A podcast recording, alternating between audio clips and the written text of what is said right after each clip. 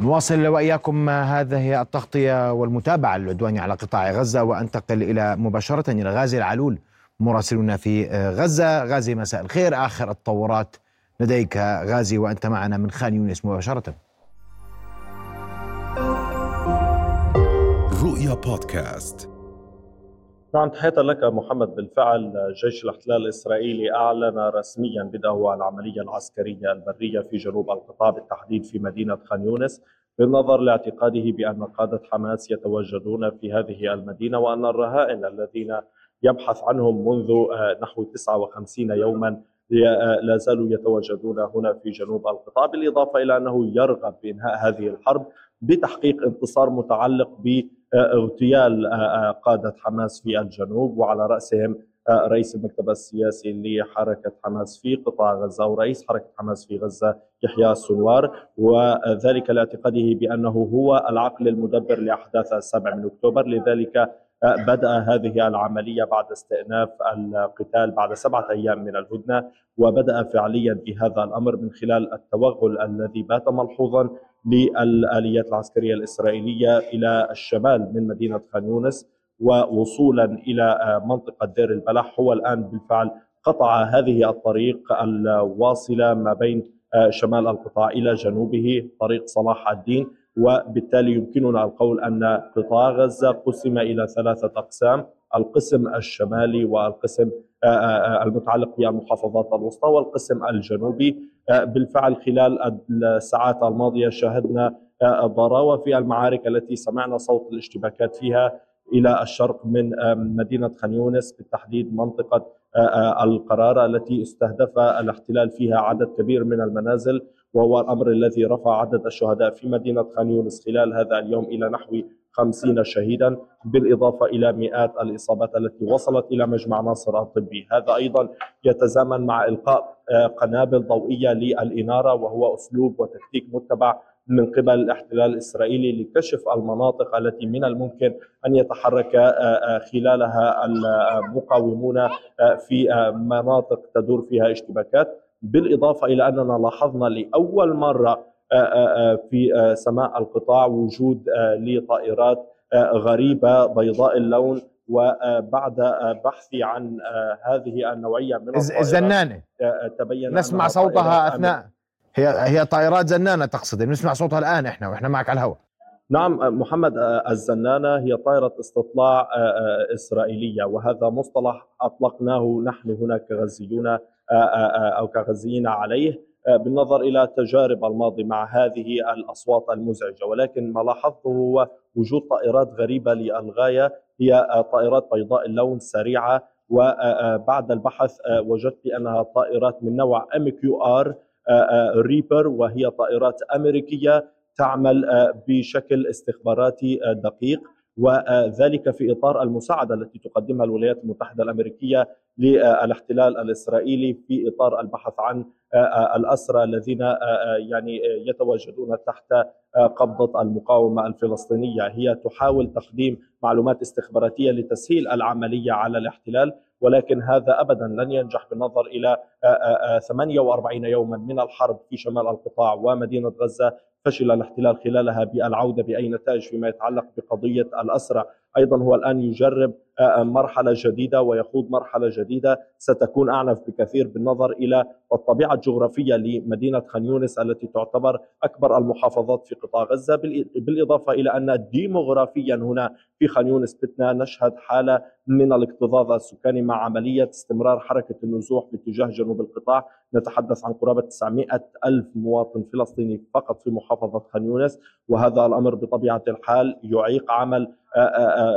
الجيش جيش الاحتلال الإسرائيلي في هذه المنطقة، هناك بالفعل عائلات فلسطينية حاولت النزوح إلى مناطق أخرى ولكن بسبب الاكتظاظ بسبب الازدحام لم يكن هناك سبيلا سوى البقاء في مدينة خان يونس وأن يبقوا في بطبيعة الحال في الحديث بينكم غازي كمن يقطنون اليوم خان يونس بماذا تفكرون اليوم إذا ما دخل الاحتلال وحاول اقتحام خان يونس؟ ما الخيارات التي يملكها الغزي المقيم في خان يونس سواء كان نازحا أو المقيمين في المدينة أساسا وهي من أكثف المناطق سكانيا في القطاع. هناك حالة من القلق المتزايد والمرتفع لدى المواطنين الفلسطينيين.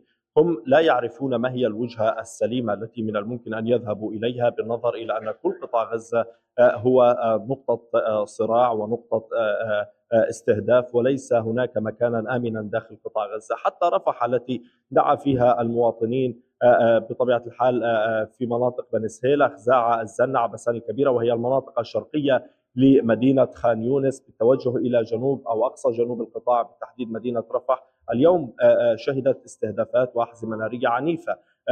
بالإضافة إلى أنه قبل ساعة من الآن استهدف منزل يعود لعائلة همس ومنزل يعود لعائلة البواب. ما رفع عدد الشهداء إلى 26 شهيدا.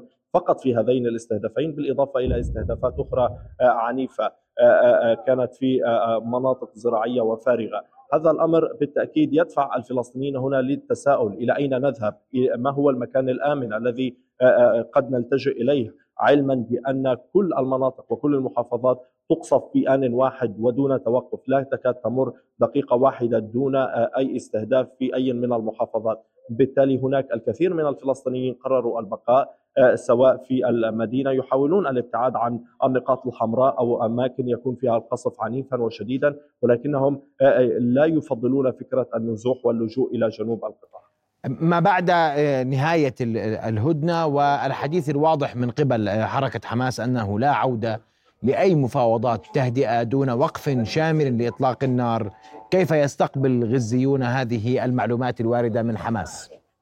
محمد عندما أظهرت حماس مرونة في التفاوض وفي تصريحاتها الإعلامية آه، ربما الاحتلال ظن بأن حماس قد انهارت أو أن حماس والمقاومة الفلسطينية لم تعد قادرة على الاستمرار في هذه الحرب. وخرج المسؤولون آه، مسؤولو الاحتلال الإسرائيلي بتصريحات آه، عنيفة للغاية. ومن ورائه البيت الأبيض الذي قال بأن حال حماس تقديم قائمة بالرهائن مقابل القبول بإدخال آه، بعض شاحنات المحملة بالمساعدات أي أنه لم يعد يتحدث عن صفقة. لذلك كان مضطرا آه، آه، نائب رئيس المكتب السياسي لحركة حماس صالح العروري بالخروج ورفع السقف والصعود إلى أعلى الشجرة كما يقال سياسيا هنا بالنظر إلى يعني في محاولة للتصدي لهذه العنجهية الإسرائيلية وأيضا من قبل أمريكا، لذلك خرج وقال لا تفاوض لا صفقات تبادل إلا بوقف إطلاق النار نهائيا، دعونا نوقف هذه الحرب ومن ثم نذهب نحو طاولة المفاوضات ونبحث ما هي الطرق الأنسب لإنهاء هذه الحالة. وهم وضعوا عنوانا عريضا الكل مقابل الكل وهذا الأمر ماضيه فيه الفصائل الفلسطينية وعلى رأسها حماس. أشكرك كل الشكر غازي العلول كنت معنا مباشرة من خان يونس في غزة شكرا جزيلا لك. أنتقل إلى معتصم عبد السلام إعلامي اليمني من صنعاء أستاذ معتصم مساء الخير. مساء النور والعافية أهلا. أستاذ معتصم يرقب العالم أجمع والمنطقة بشكل خاص ما يحدث في البحر الأحمر وفي آه، آه، مختلف المناطق التي يعني آه، لها علاقة بما يحدث من اليمن. والسؤال إلى ماذا يهدف اليمنيون من كل ذلك؟ وإلى متى ستستمر عمليات الاستهداف في البحر الأحمر وأيضا في باب المندب؟ القوات اليمنية المسلحة اليمنية كانت قد حذرت كل السفن الإسرائيلية أو المرتبطه بإسرائيل بانها تشرح حدثا مشروعا في حال مخالفتها لما جاء من كل البيانات والتحذيرات التي تؤكدها القوات اليمنية السفن المارة. هو يأتي ردا على استمرار المجازر واستمرار العدوان على غزة وعلى الشعب الفلسطيني، الشعب اليمني والقوات اليمنية لن تتوقف عن أي ضربات حتى يتوقف العدوان على غزة. إذا استمر العدوان سيستمر تستمر القوات اليمنية باستهداف أي سفينة مرتبطة بإسرائيل أو إسرائيلية. حتى وإن حاول آه، القوات الأمريكية حماية تلك السفن لكن القوات اليمنية لن تتوقف عن الرد آه، عن أي سفينة تمر في البحر الأحمر. اسمح لي أستاذ معتصم يعني هل السفن اللي تم السيطرة عليها من قبل القوات المسلحة اليمنية كما ذكرت هل بقيت في الموانئ اليمنية أم غادرت؟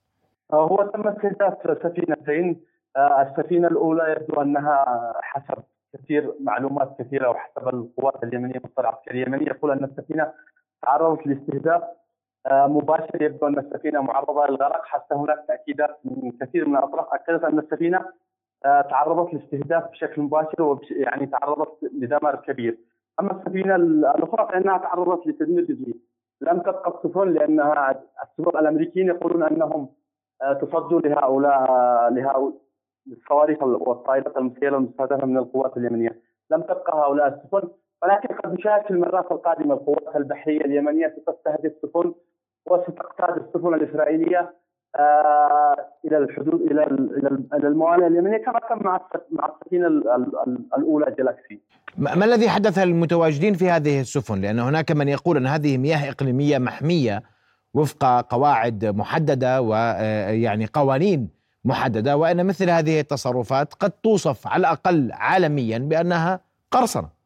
آه هو كان الناطق باسم باسم جماعة أنصار الله قال أن اليمن حريصة على الأمن البحري وسلامة الممرات المائية وأن القوات البحرية اليمنية ملتزمة بحماية المياه اليمنية بموجب صلاحيتها السيادية ولكن العملية هي فقط منحصرة على السفن الإسرائيلية لأن اليمن منذ القدم مع القضية الفلسطينية ولن تترك غزة وحيدة وحسب تأكيدات القيادة السياسية ورئاسة الجمهورية اليمنية أنهم لن يتركوا غزة وحيدة، إذا استمر العدوان على غزة سيستمر استهداف القوات اليمنية للسفن الإسرائيلية فقط وليس التهديد لكل السفن وإنما للسفن الإسرائيلية كون إسرائيل تقوم بعدوان وإجرام ومجازر وتطهير عرقي في غزة نعم. ضد الشعب الفلسطيني أخ معتصم سألتك عن من المواطنين أو أو من يستقل هذه السفن.